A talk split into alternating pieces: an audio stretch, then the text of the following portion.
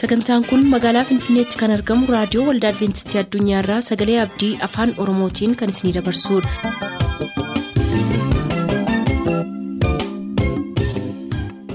harka fuuni akkam jirtu dhaggeeffattoota sagalee abdii nagaa keenyattaan sun har'aaf qabannee kan isiniif dhiyaannu sagantaa mallattoo barichaati nu waliin tura.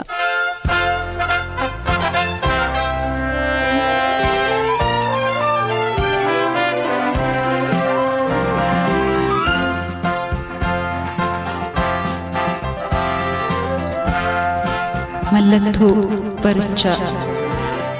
Mallattoo barichaa. Mallattoo barichaa.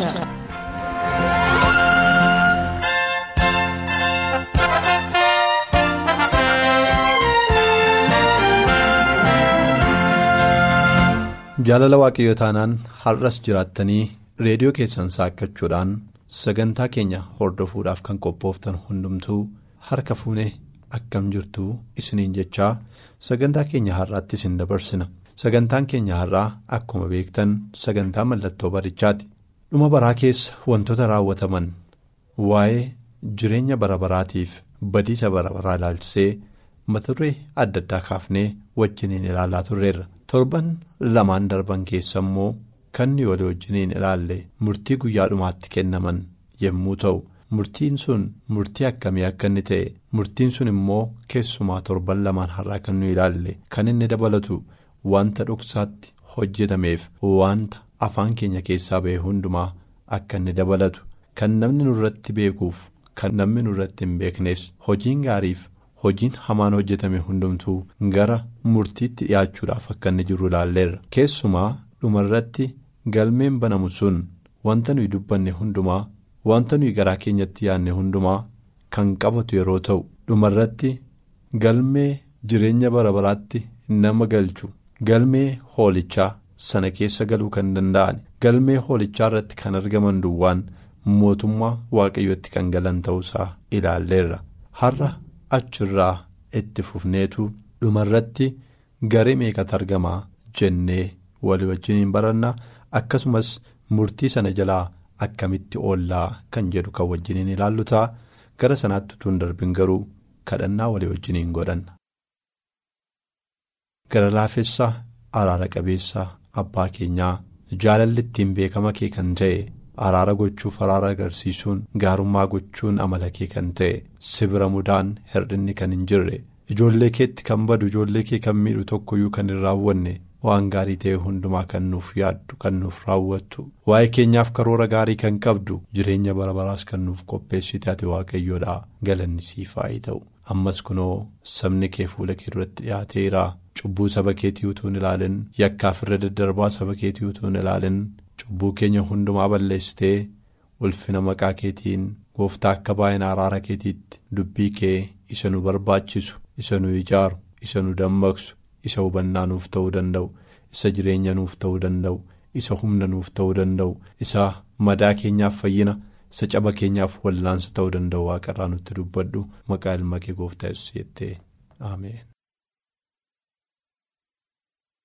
dhumarratti garee lamatu argama garee sadii gareen afur gareen shan hin jiru tarii namoonni baay'een har'a deddeebii deddeebi'aniin garee sadaffaa. Uumaniiru yookiis uumne irra ta'uu danda'a. Garee dhugaadhaaf jiraatu garee dhugaa ganee jiru garee immoo giddu galeessa gallachuutiyyuu kan qabu. Garee waaqayyoo garee biyya lafaa gareen inni sadaffaan immoo garee kan waaqayyo keessaas kan biyya lafaa keessaas dhabuun narra hin jiru jedhu. Har'a biyya lafaa irratti arguu dandeenya. Hojiin keenya baay'eensaa kan inni mul'isu kanadha. Waaqayyo guutuu guutummaatti jireenya biyya lafaa gannee jireenya biyya lafaa. Irraanfannee akka nuyi guutuu guutummaatti jireenya waaqayyoof ta'u jiraachuu dandeenyuuf waamicha nuuf godha nummoo biyya lafaa keessaa baqannee erga baanee booda wanti biyya lafaa keessaas nutti hin hafin jechaadha kan nuyi jirru wanti biyya lafaa yoo nutti hafe baay'ee rakkisadha kan inni ta'u. Kanaafiyyuu akkuma gareen sadii har'a biyya lafaa irratti argamu yookiis immoo garee sadaffaa uumne akkuma argamnu gaafa guyyaa murtiitti dhiyaannus gareen sadii waan jiru nutti fakkaachuu danda'a ta'a. Garuu gaafa gooftaan keenya yesus kristos deebi'ee dhufu gareen argamu garee lama duwwaadha gareen inni tokko torban lamaan har'aa akkuma dhageenye akkuma walii wajjin hin ilaalle garee warra galmee hoolichaa irratti galmaa'anii fi galmee hoolichaa irratti galmaa'uu isaaniirraa kan ka'e jireenya bara baraa kan argatan ta'uusaa galmee sana irratti immoo warri waan xuraa waan ciiggaasaa waan sobaatiif wanta hammeenyaa hojjetan kan hin argamne argamuu kan hin dandeenye ta'uusaa nutti hima. kanaaf isaaniin har'a itti fufnee yeroo ilaallu mul'ata boqonnaa 22 lakkoofsa 11 irraa jalqabna. Mul'ata boqonnaa 22 lakkoofsa 11 irraa akkas jedha. Inni waan jallaa hojjetu jallaadhuma isaa haa hojjetu. Inni xuraa'aan ittuma of haa xureessu. Inni waan qajeelaa hojjetu qajeelaadhuma isaa haa hojjetu. Inni waaqayyoof qulqullaa'ee isumaaf haa qulqullaa'u jedhee anatti himee jedha. Waan lama kanatu jira jedheen. Garee lama kanatu jira inni jallaa hojjetu jallaama isaa haa hojjetu. Jallaa hojjechuu isaa itti fuuf sana booda balballi araaraa cufameera. Kana booddee yoo dhiisees gatiin qabu jedhaan. Gaafa kristos balbala araaraa cufee murtii kennuudhaaf gaafa ba'u erga balballi araaraa cufame booddee jijjiiramni fooyyessuun waan hin jirreef. Sana booddee maal ta'uudha inni jallaan haa jallatu. Jallina hojjechuusaa itti hafuuf inni xuraa'anis xuraa'ummaa masaa itti fufee haa hojjetu. Inni waan qajeelaa hojjetus waan qajeelaa masaa haa hojjetu. Inni waaqayyoof qulqullaa'es isumaaf haa qulqullaa'u. Kanaaf xuraa'aadhaaf qullaa jallaadhaaf qajeelaa kanarraa kan hafe garee sadaffaan hin jiru. Kanadha kitaabni qulqulluun kan inni nutti himu yookiin warra qajeelota duukaa warra qullaa'ota duukaadha kan nuyi lakkaa'amnu yookiin warra jalloota duukaa warra xuraa'ummaa hojjetan duukaa isaan duukaadha kan nuyi lakkaa'amnu gareen keenya isaan kana lamaan keessaa iddoo kan biraa dhaquu hin danda'u. Faarsaa daawwit boqonnaa jaatamii sagal dhannee yoo ilaalles faarsaa daawwit boqonnaa jaatamii sagal lakkoofsa 28 irraa akkas jedha. Macaafa warri jiraatoon itti caafaman keessaa maqaan isaanii haa balleeffamu. Isaan warra qajeelotaa wajjin hin caafaminii jedhaan. Eenyu? Yakka isaanii warri yakka hojjetan warri waaqayyoon yakkani warri waaqayyoo irratti duddagatan isaan maaltu turreera? Macaafa warri jiraatoon itti caafaman keessaa maqaan isaanii haa balleeffamu jedhaan isaan warra qajeelotaa wajjiniin barreeffamuun yookiis caafamuun isaanirra hin jiru. Kanaadha sagalee waaqayyoo kan inni nutti himu warri jalloonni warri xuraa'onni maqaan isaanii eessatti barreeffamuu hin danda'u maqaa warra jireenya argachuudhaaf barreeffamanii warra qullaa'otaan warra qajeelotaan isaanii wajjiniin maqaan isaanii barreeffamuu hin danda'u. Yookiin isa badiisaaf kaa'ame keessattidha kan inni galmaa'u warra xuraa'oo duukaadha kan inni galmaa'u yookiin kan warra jireenyaa qabanii keessattidha namni tokko galmeensaa yookiis maqaansaa kan inni galmaa'uu danda'u. Kanaaf maqaan koof maqaan keessan eessattidha kan inni galmaa'ee jiru. Murtiidhaaf yeroo galmeen sun saaqamu ankoof kan keessan maqaan keessan kan warra qajeelotaa kan warra jireenyaa argachuu qabu jedhamuu keetti immoo eessatti galmaa'ee jira jennee gaafachuun barbaachisaadha kan inni ta'u. Mul'ata Yohaannis boqonnaa sadii lakkoofsa shan irratti akkas jedha. Mul'ata Yohaannis boqonnaa sadii lakkoofsa shan irratti. Nama moo'utti akkasuma uffata adiitu uffifama. Ani maqaasaa macaafa jireenyaa isa warri jireenya argachuuf jiran keessatti caafaman keessaa hin balleessu. Abbaa koo duratti ergamoota isaa durattis maqaasaa waamee kan koo ta'uusaa nan beeksisaa jedha galanni waaqayyoof haa ta'u. Nama moo'utti akkasuma uffata adiitu uffifama.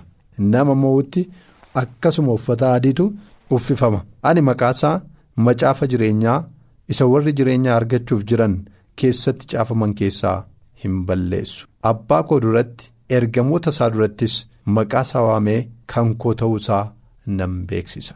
Galmee yeroo banamu kan argamu kanadha. Maqaansaa galmee jireenyaa keessatti barreeffama. Inni kam inni moo'u. Inni injifannoodhaan xumuru. Inni qullaa'ummaadhaan xumuru. Inni qajeelummaadhaan xumuru. Inni maqaansaa galmee warra jireenyaa argatanii keessatti barreeffama. Uffata adiitu itti uwwifama. sana duwwaa miti waaqayyoon durattis ergamoota koo durattis maqaa isaanii waamee nan beeksisaa jedha galanni waaqayyoof haa ta'u kanaaf moo'utu nurreera warra moo'aman yookiin warra moo'an gareen lamaan jiran kanumadha warra harka kennan yookaas warra moo'anii darban warra seexanaaf gugguufan yookaan warra irra ejjetanii darban kanadha gareen lamaan dhumarratti argaman. Kanaafiyyuu warri moo'an galmee jireenyaa irratti barreeffamu. Maqaan isaaniis achi keessaa kan hin balleeffamne ta'a jedheeti kan hin nutti himu. Egaa waa'ee murtii erga amma kana ilaalle? Murtiin kun amma kana ulfaataadha erga ta'e.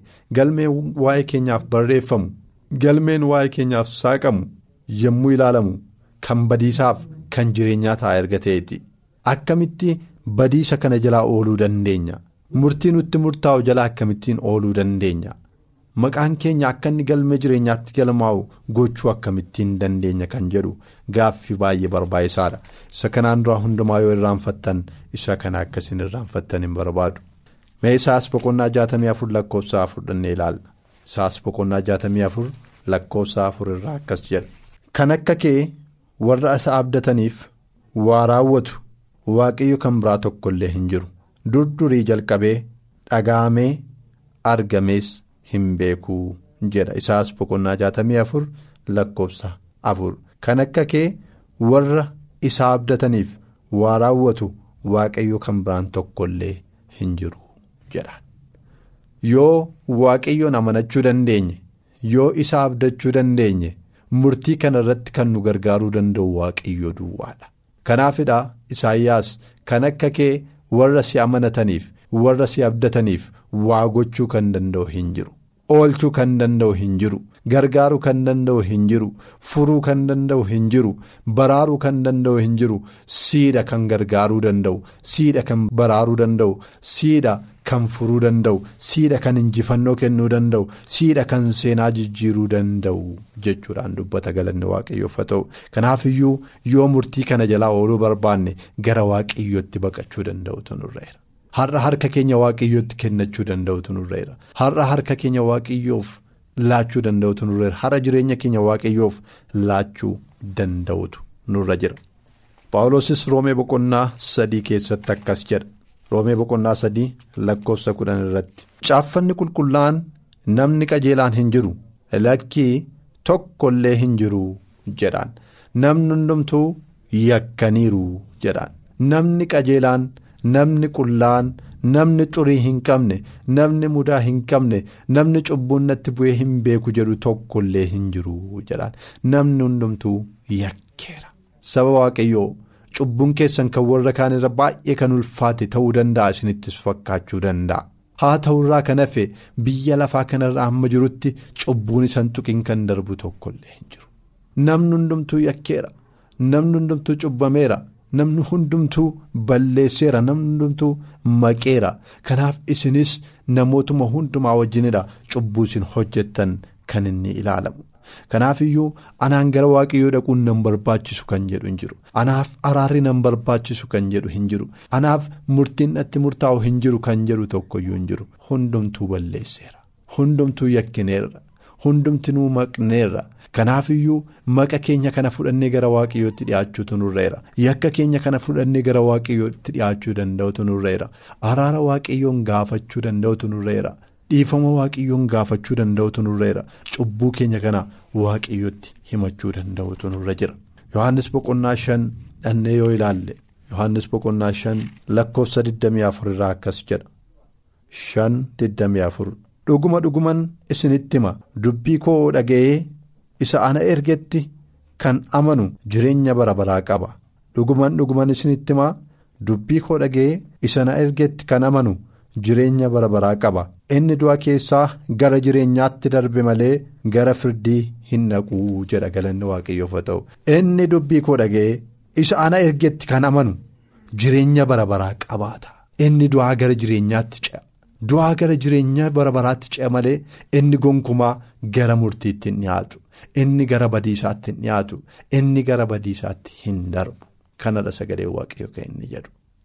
Kanaaf iyyuu falli ittiin murtii kana jalaa ooluu danda'an falli ittiin badiisa bara baraa kana jalaa ooluu danda'an badiisa bara baraan namatti dhufu du'a bara baraan namatti murtaa'u jalaa kan ittiin ooluu danda'an gooftaa keenya yesus kiristoositti amanuudha.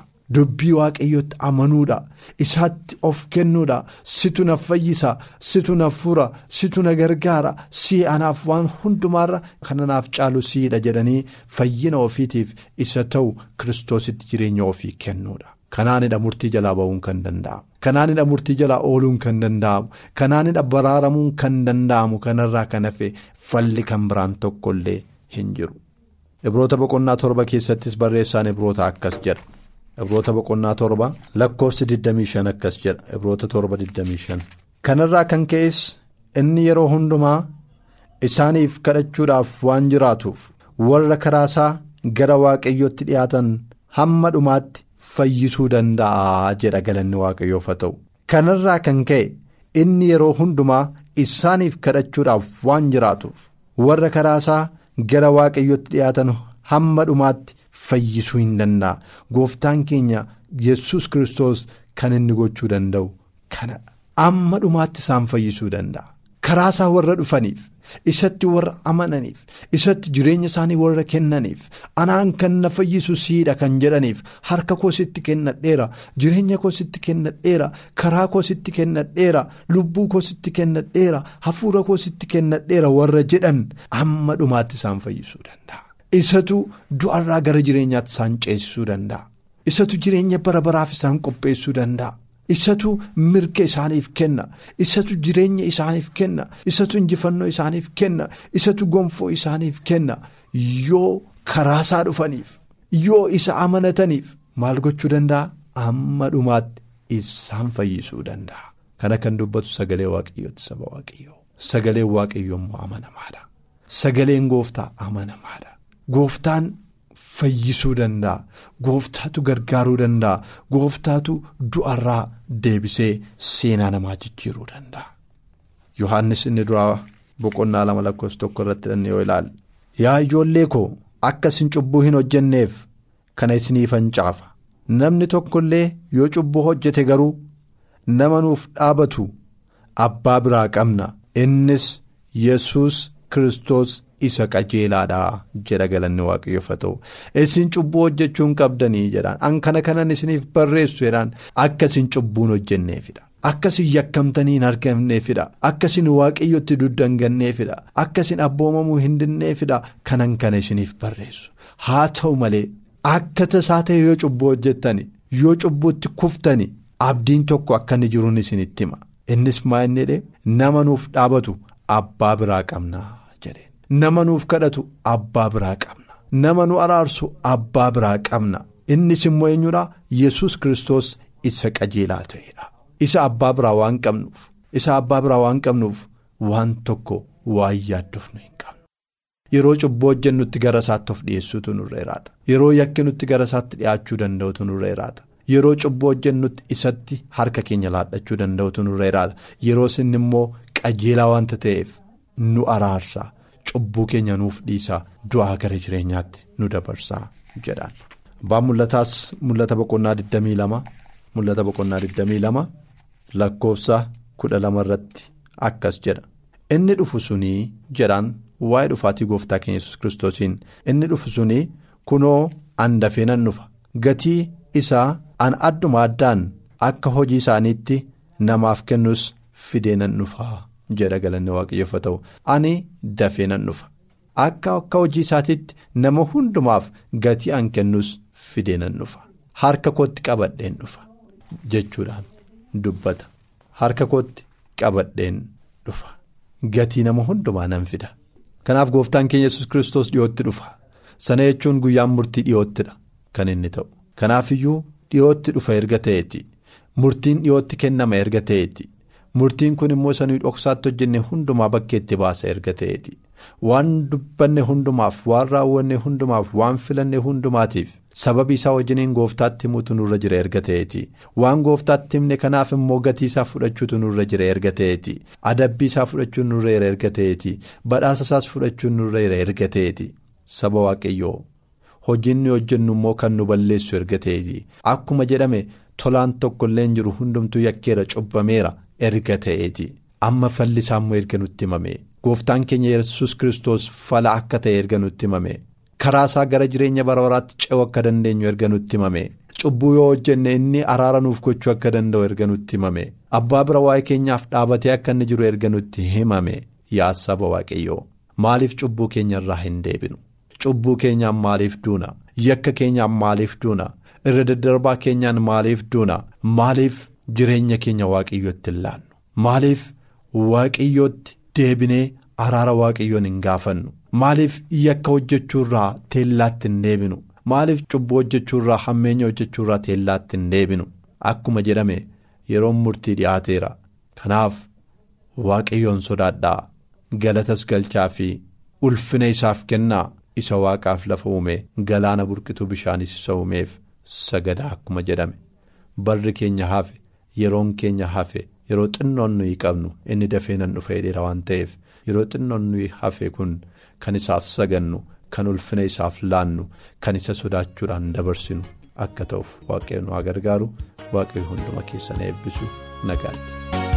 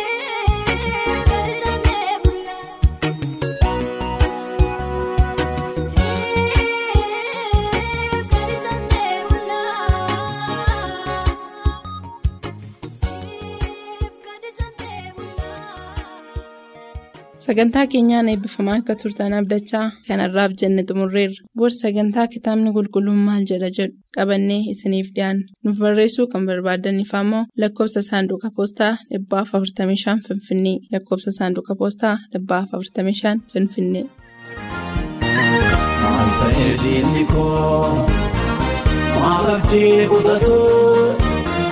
Hir'ina koodessaa muriisaa guutuu hir'ina koodessaa muriisaa guutuu wantoota eedeessuu gufuu dalgaa ta'ee otuu deemee saasuu beelagaa ta'ee.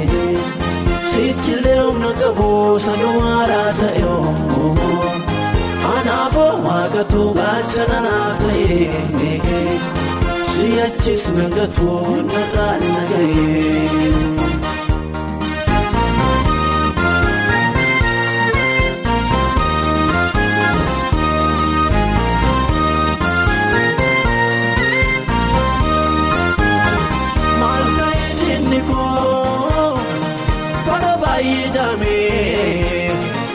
Maaliif watu kamaan na waame altee jaabaadhaa hirkonkoo miti ooshaan bakkoo cabsee darbuu malee takkaan beeku bakkoo takkaan beeku bakkoo maal ta'ee diinni koo maaf abdii kutatu.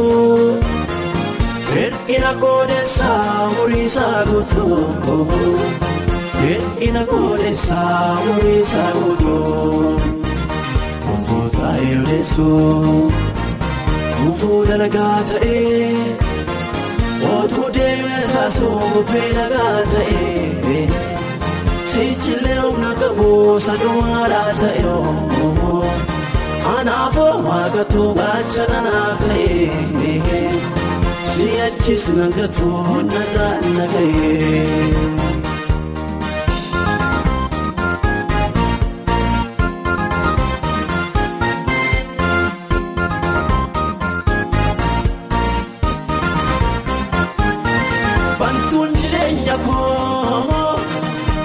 Cuftuun saas waagarkaa barcuma naaf dhaabee diinota walakkaa altee inni na jaallatee naaf galeera waadaa waa gochuun danda'u namni ofumaadha namni ofumaadha maalumaaf dhamaataa diina koo maaliif si dhibbisa waa'ee koo gooftaa kootii kan na jaallatee ofittaa seen nama arfatee isa harkaana baasuu hin dandeessu. Gara akutattee maaf hin teessu isa harkaana baasuu hin dandeessu. Afaan qabattee maaf hin teessu.